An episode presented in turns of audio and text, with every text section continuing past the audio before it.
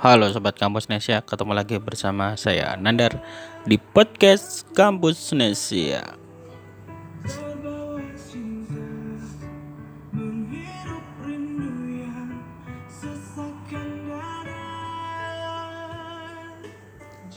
Kita ditemenin oleh Leto dengan lagunya Ruang Rindu. podcast ini direkam jam setengah empat pagi jadi lagunya cukup syahdu. Uh, kita kembali di podcast ayo mulai usaha series hasil kolaborasi dari kampusnesya.go.id dan lucu.com percetakan plakat merchandise dan lain-lain di Tembalang Semarang. Dan kita nyampe di episode ke-6 kita akan bahas tentang cara bertahan dan menghadapi tantangan dalam usaha. Uh, ini epilog teman-teman dan ini episode terakhir jadi uh, agak sedih ya sebenarnya ngerekam podcast ini karena kebersamaan kita di series podcast Ayo Mulai Usaha setelah ini akan berakhir. Tapi semoga saja perjalanan podcast kita sebanyak 6 episode ini ada manfaatnya buat teman-teman yang mau mulai usaha atau sedang menjalani usaha. Dan di episode 6 ini sebagai epilog saya akan sharing tentang cara bertahan dan menghadapi tantangan. Uh, satu sisi mungkin ini akan terkesan bahwa uh, nggak bertumbuh dan berkembang secara signifikan ya, karena uh, dari sisi usia sebenarnya sudah cukup lama gitu. Uh, ini saya ngomongin tentang lucu, lucu.com ya. Lucu.com itu dulu namanya Lucu Semarangan. Jadi tahun 2009 itu ada enam mahasiswi teknik Undip itu ikut PMW program mahasiswa wirausaha. Idenya adalah membuat oleh-oleh souvenir khas Semarang karena zaman-zaman uh, itu kalau mau nyari oleh-oleh khas Semarang itu adanya makanan bandeng presto, lumpia, mochi uh, dan lain-lain. Beda kalau kita misalkan main ke Jogja atau Bali, kalau kita mau bawa oleh-oleh kaos misalkan ada joger, ada dagadu gitu. Nah, Semarang itu waktu itu belum belum ada yang ikonik lah ya. Kalau ada mungkin udah ada di Simpang Lima atau di Pasar Johar itu setahu saya ada tapi yang benar-benar ikonik gitu belum ada. Nah mereka uh, mengajukan itu dalam bentuk uh, bisnis plan dan diikut sertakan dalam program mahasiswa usaha tahun 2009 dan alhamdulillah didanain. Lalu kemudian 2010 setelah hampir kurang lebih sekitar enam bulan sampai satu tahun uh, ikutin proses seleksi, pelatihan, magang dan lain-lain uh, kita buka di Jalan Banjarsari waktu itu nomor 21 jadi di pinggir jalan persis gitu. Lalu kemudian saya masuk kalau nggak salah itu 2011 kalau nggak salah ya. Dan ini udah 2023 artinya katakanlah udah 10 tahun lebih lah ya.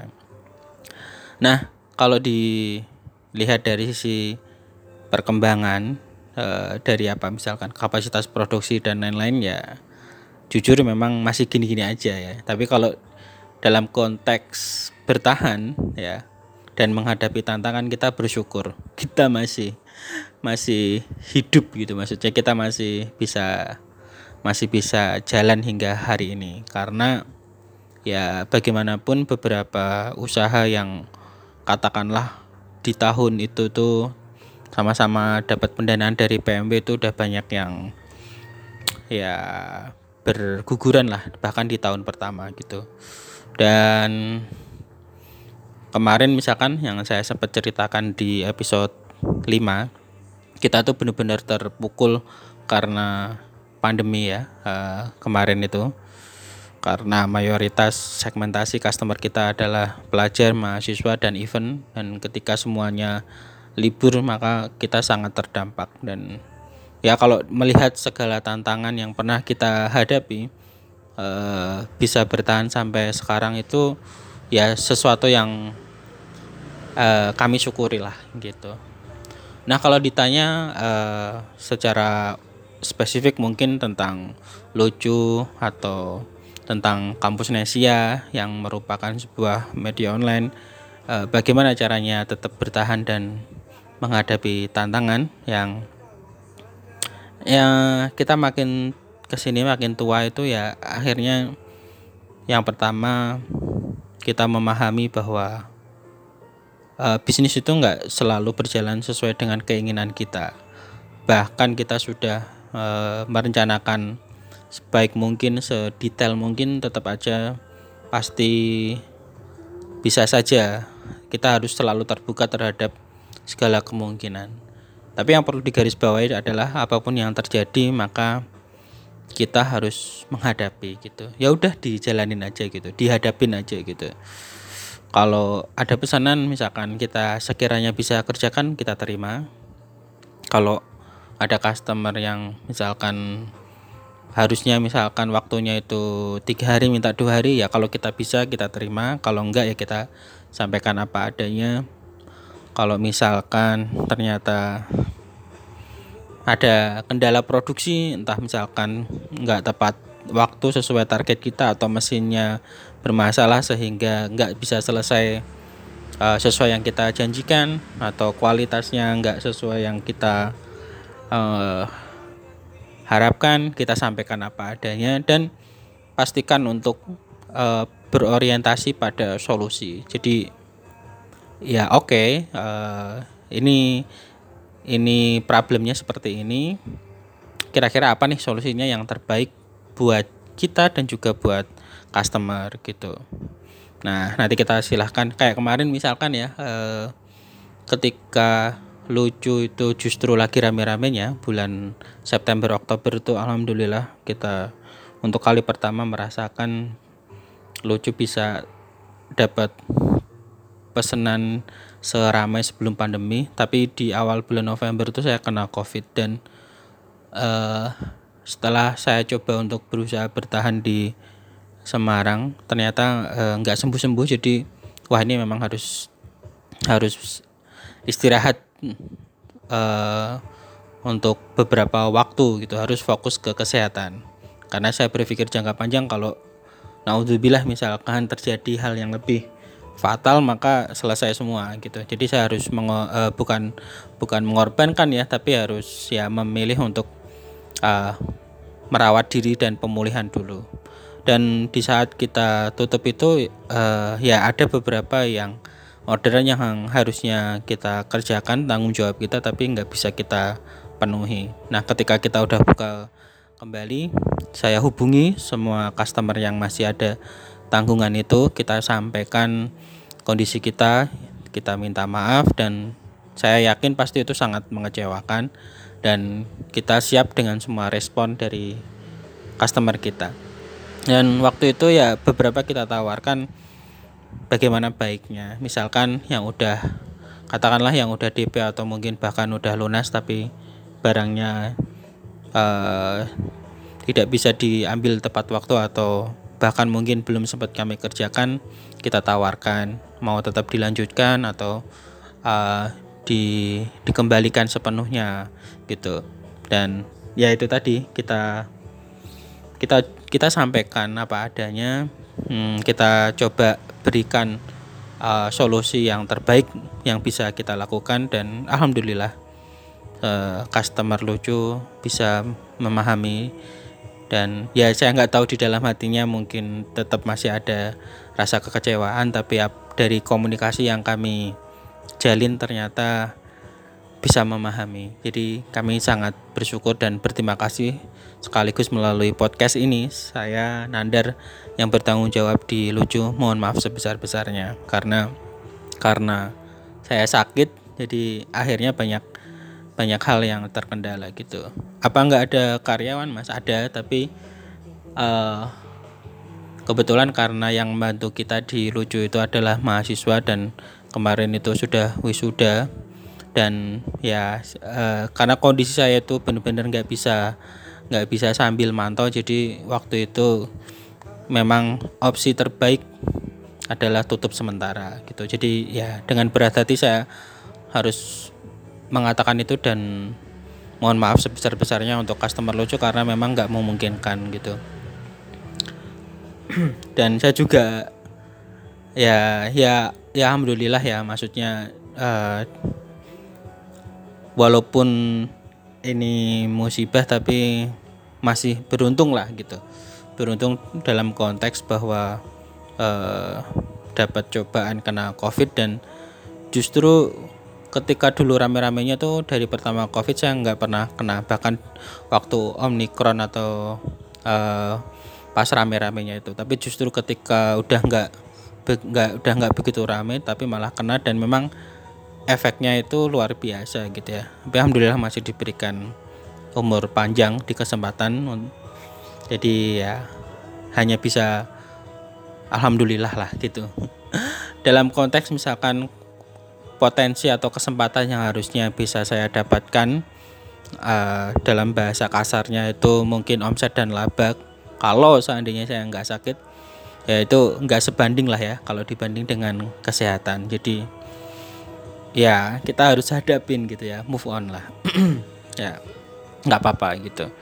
Kemudian bagaimana uh, itu tadi selain selain kita selain prinsip untuk menghadapi apa pun yang terjadi dan berorientasi pada solusi. Jadi berikutnya adalah tentang motivasi teman-teman. Ini penting juga ya. Jadi uh, kita sebagai saya ngomong sebagai seorang owner bisnis atau pemilik usaha gitu ya.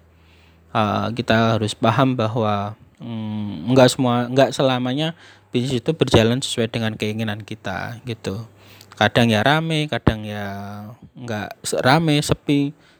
Kadang untung kadang juga nggak untung sama sekali bahkan kadang rugi. Jadi kita harus punya uh, motivasi motivasi selain materi. Karena kalau kita hanya semangat kalau untung kita hanya semangat kalau berjalan lancar ya uh, biasanya yang begini tidak akan bertahan lama gitu cepat menyerah gitu ya.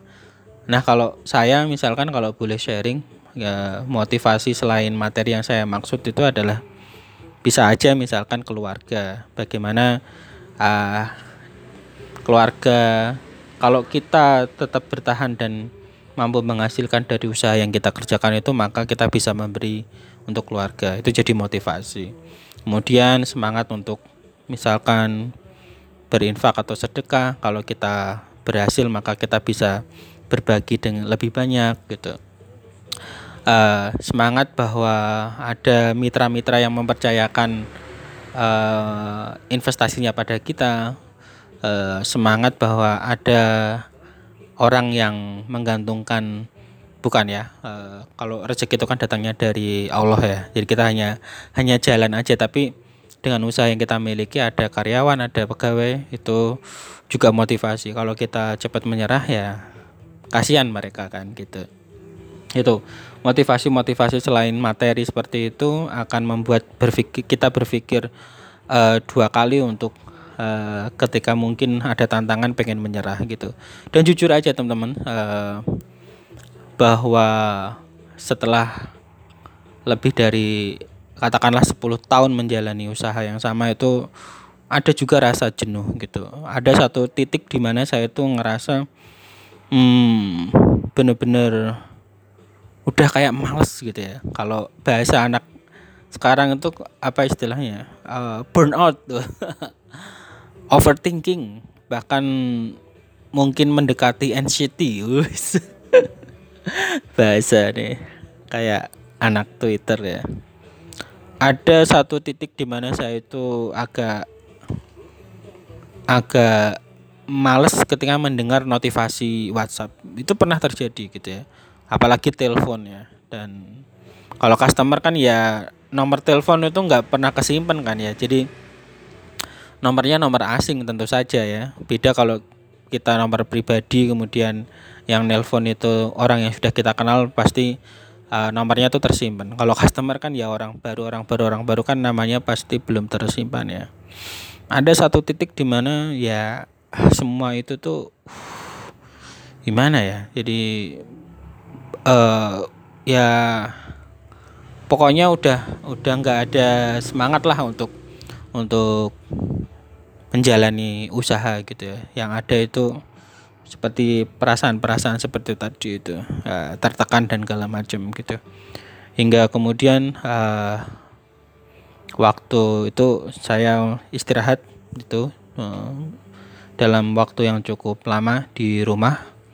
Kemudian merenung lah gitu merenung. Kira-kira uh, apa nih yang harus saya lakukan? Apakah saya harus balik uh, kerja atau ya udah maksudnya udahan aja gitu.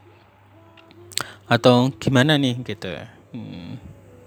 dan saat proses perenungan itu ya saya coba menimbang-nimbang gitu. Uh, misalkan juga tentang kenapa harus terus kerja kenapa harus terus buka usaha gitu ya. Demi apa gitu kembali di dicari alasan-alasan seperti itu.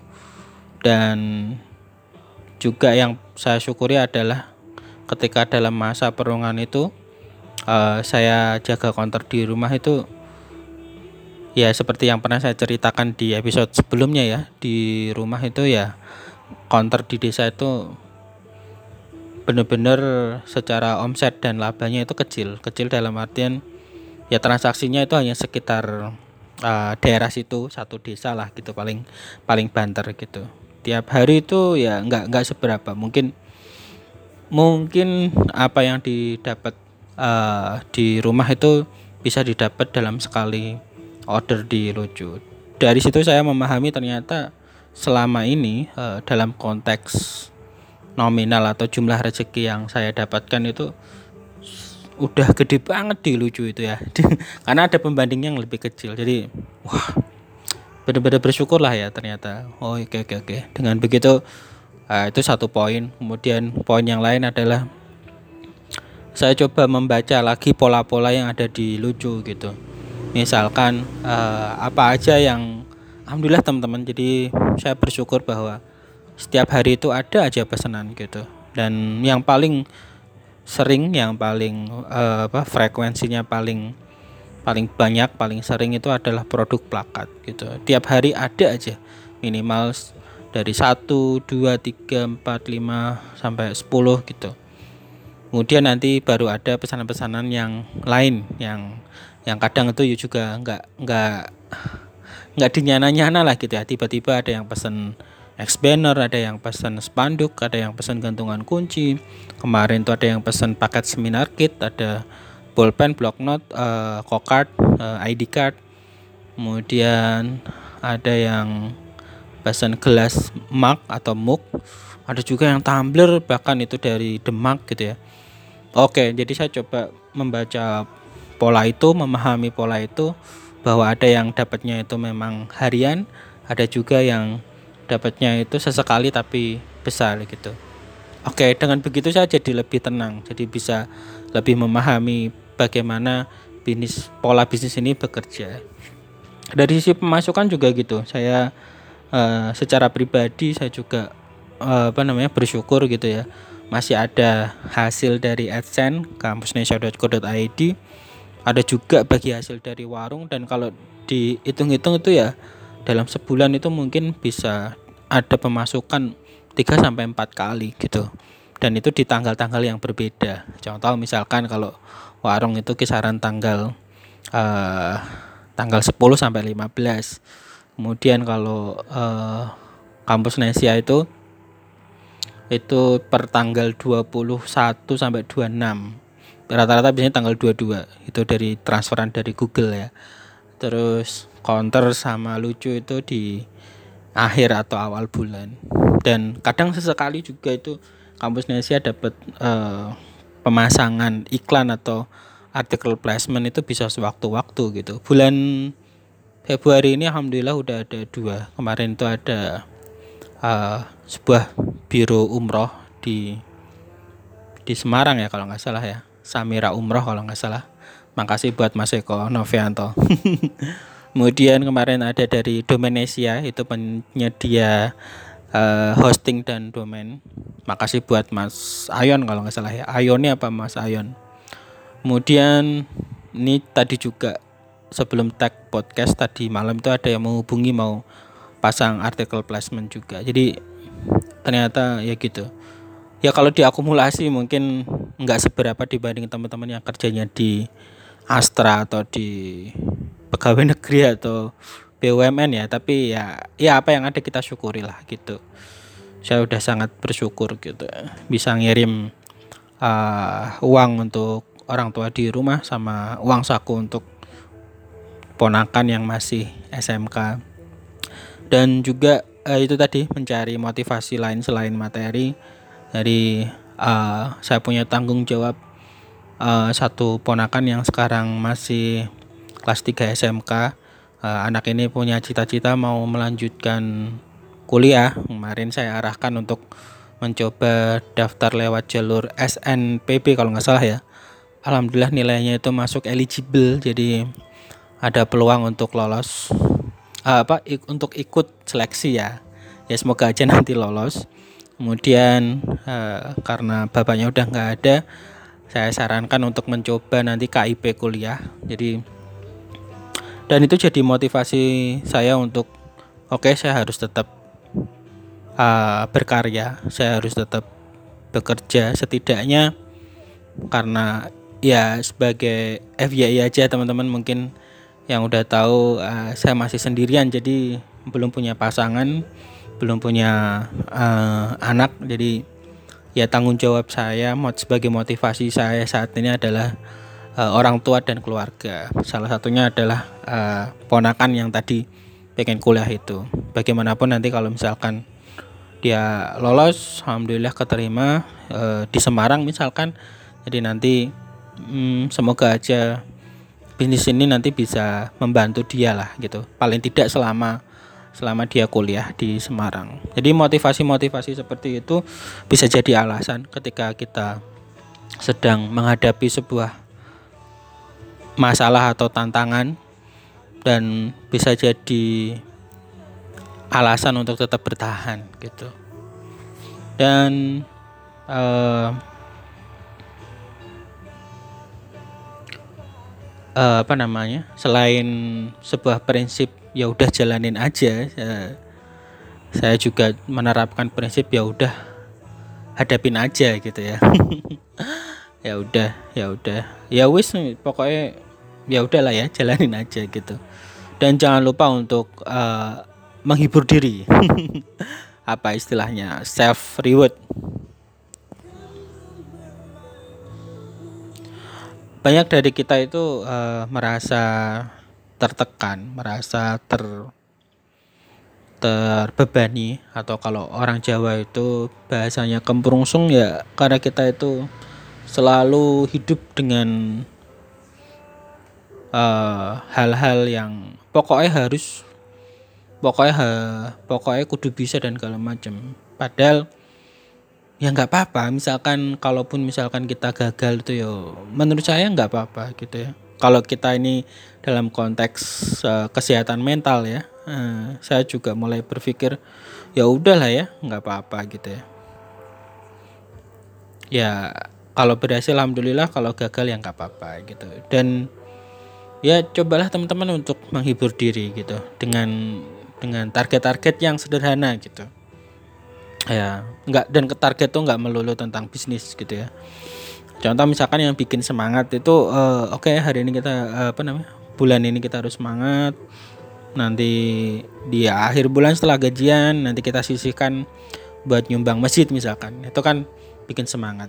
Atau kalau yang lain misalkan kalau saya nih ya. Ya kadang ya gitu ya uh, ayo semangat uh, misalkan ada pesanan gitu. Ayo dalam hati ya saya ngomong uh, ke diri saya sendiri. Ayo kita kerjakan nanti setelah selesai kita makan di warteg. Sesederhana itu ya itu udah membuat bahagia gitu. Uh, kemudian atau kalau enggak misalkan ayo semangat nanti kalau gajian uh, kita hunting Hot Wheel di Indomaret atau Alfamart dengan cukup 25.000 sampai 50 itu ya bisa bisa mendatangkan kebahagiaan gitu. Saya tuh hampir tiap minggu tuh menyempatkan untuk kalau enggak yang paling sering itu ke Indomaret Alfamart sama ke toko mainan gitu. Ya sekedar ngeliat-liat aja gitu ya. Karena itu bagi saya itu cara healing lah gitu. Uh, saat ini saya lagi mulai ngoleksi diecast ya uh, mainan yang berbahan berbahan metal itu dan variannya banyak gitu. Jadi ya itu jadi seru aja gitu. Ada motivasi untuk uh, untuk tetap semangat bekerja gitu ya uh, saya mengatakan pada diri saya sendiri ya ya kalau udah nggak punya motivasi yang daki-daki misalkan pengen punya mobil atau punya rumah ya ya minimal bekerja biar bisa tetap biar bisa tetap beli Hot Wheel sesederhana itu gitu ya. Dan uh, uh, jangan terlalu membandingkan juga dengan capaian orang lain. Karena setiap proses itu kan beda-beda ya. Ya kita boleh menjadikan apa istilahnya parameter atau benchmarking. Oh teman kita ternyata bisa seperti ini seperti ini. Tapi jangan terlalu menyiksa diri dengan target-target uh, menyamakan membandingkan dengan orang lain. Ya udahlah nikmatin diri aja sendiri. Kadang kalau mentok gitu mentok banget gitu ya ya kan kita nggak pernah tahu ya. Hmm, kita bakal uh, usia kita itu sampai kapan gitu. Maksud saya ya ketika udah sampai di situ tuh hal-hal yang sifatnya duniawi itu jadi nggak penting sama sekali gitu ya. Nah, ngapain juga terlalu ambisius atau ya ambisius boleh tapi maksudnya jangan sampai kemudian teman-teman mengorbankan kesehatan mental hanya untuk mengejar sesuatu yang ya menurut saya itu penting nggak penting lah gitu ya. Belum punya rumah ya kan bisa ngekos bisa ngontrak gitu ya. Cobalah untuk cari solusi alternatif yang ya yang dekat sama kita yang bisa kita lakukan sehingga tidak terlalu membebani pikiran kita lah gitu ya. Kemarin misalkan HP-nya toko lucu itu dari tahun 2016 itu kita beli Samsung J16 pada masanya itu ya udah canggih ya. Apa pun aplikasi bahkan game itu bisa dipasang gitu. Tapi seiring berjalannya waktu tuh sampai kemarin akhir tahun uh, bulan November ya 2022 itu buat WA aja itu udah nggak muat memorinya gitu.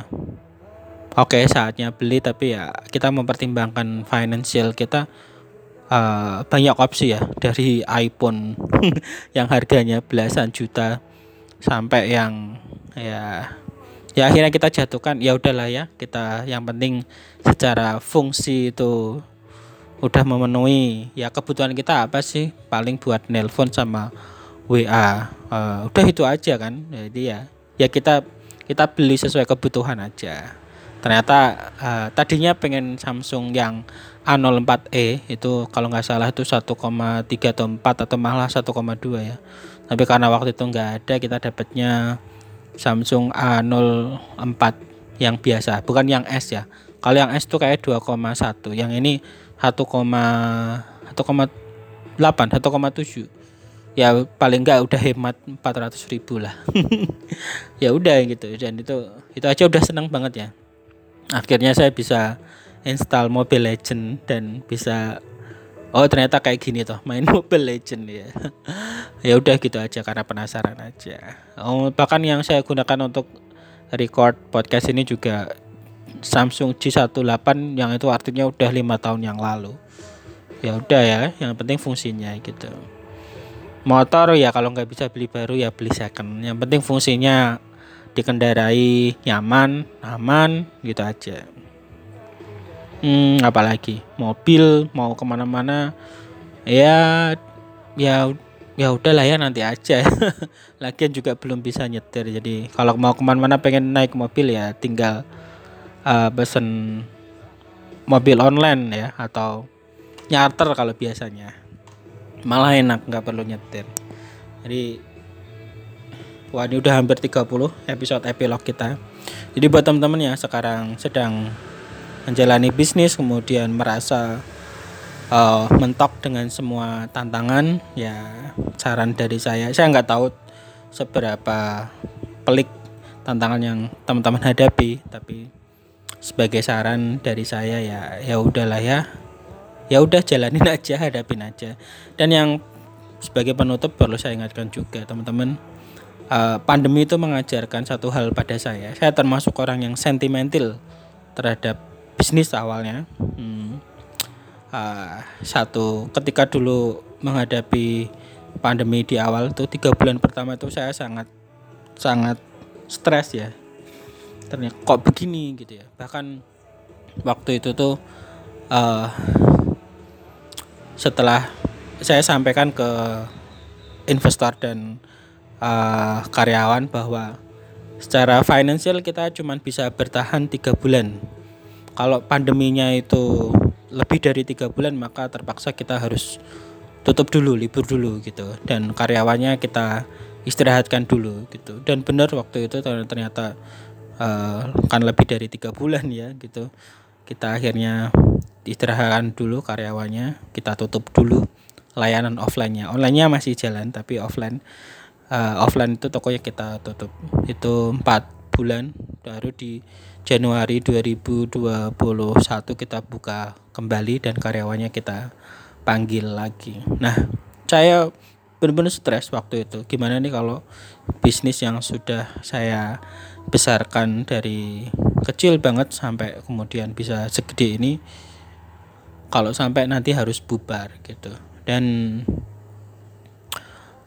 uh, saya sampai bertanya ke orang-orang yang lebih senior atau berpengalaman dalam bisnis tentang hal ini dan akhirnya uh, saya sampai pada kesimpulan bahwa ya udah gagal itu nggak apa-apa. Kalau memang kita udah nggak bisa bertahan waktu itu karena pandemi ya ya mau gimana lagi ya udah nggak apa-apa. Dan ya kalau misalkan waktu itu lucu uh, tutup bubar ya kita nanti berpikir lagi mencari ide yang lain kira-kira apa yang bisa kita jalanin makanya waktu itu lahir lucu.id karena waktu itu saya berpikir wah eman-eman nih nama brand lucu kalau sampai kita bubar percetakannya paling enggak saya punya kenang-kenangan masih punya uh, domain lucu.id untuk blog lah gitu. Alhamdulillah saya sangat bersyukur bisa melalui badai uh, pandemi itu walaupun juga kita belum se fit seketika sebelum pandemi secara uh, financial atau bisnis tapi ya here we go. Uh, kita di sini uh, hadir teman-teman di podcast artinya paling enggak kita bisa melalui turbulensi itu ya. Kita bisa melalui badai. Kalau ibaratnya orang uh, nahkoda sedang mengarungi lautan badai itu sepertinya udah kita kita bisa kita lalui kalau kita lagi naik pesawat turbulensi itu alhamdulillah bisa kita lalui. Apakah jaminan lucu akan tetap bertahan dan berkembang? Ya nggak nggak tahu juga ya. Ya udah kita jalanin aja. Siapa tahu. Nah dengan menjalani maka kita akan tahu kemungkinannya memvalidasi uh, hipotesa kita, perencanaan kita. Apakah nanti gagal, apakah nanti bisa bertahan? Dan siapa tahu bakal lebih berkembang. Who knows ya gitu. Jadi buat teman-teman hadapin aja. Dan kalaupun misalkan teman-teman nggak berhasil atau gagal ya udah nggak apa-apa. Ya tetap semangat tetap sehat terima kasih yang udah setia dengerin podcast kita dari episode 1 sampai 6 ini di series podcast Ayo Mulai Usaha kolaborasi antara kamusnesia.co.id dan lucu.com. Saya Nandar, mohon maaf kalau ada salah-salah kata. Kita ketemu di podcast lainnya. Wassalamualaikum warahmatullahi wabarakatuh.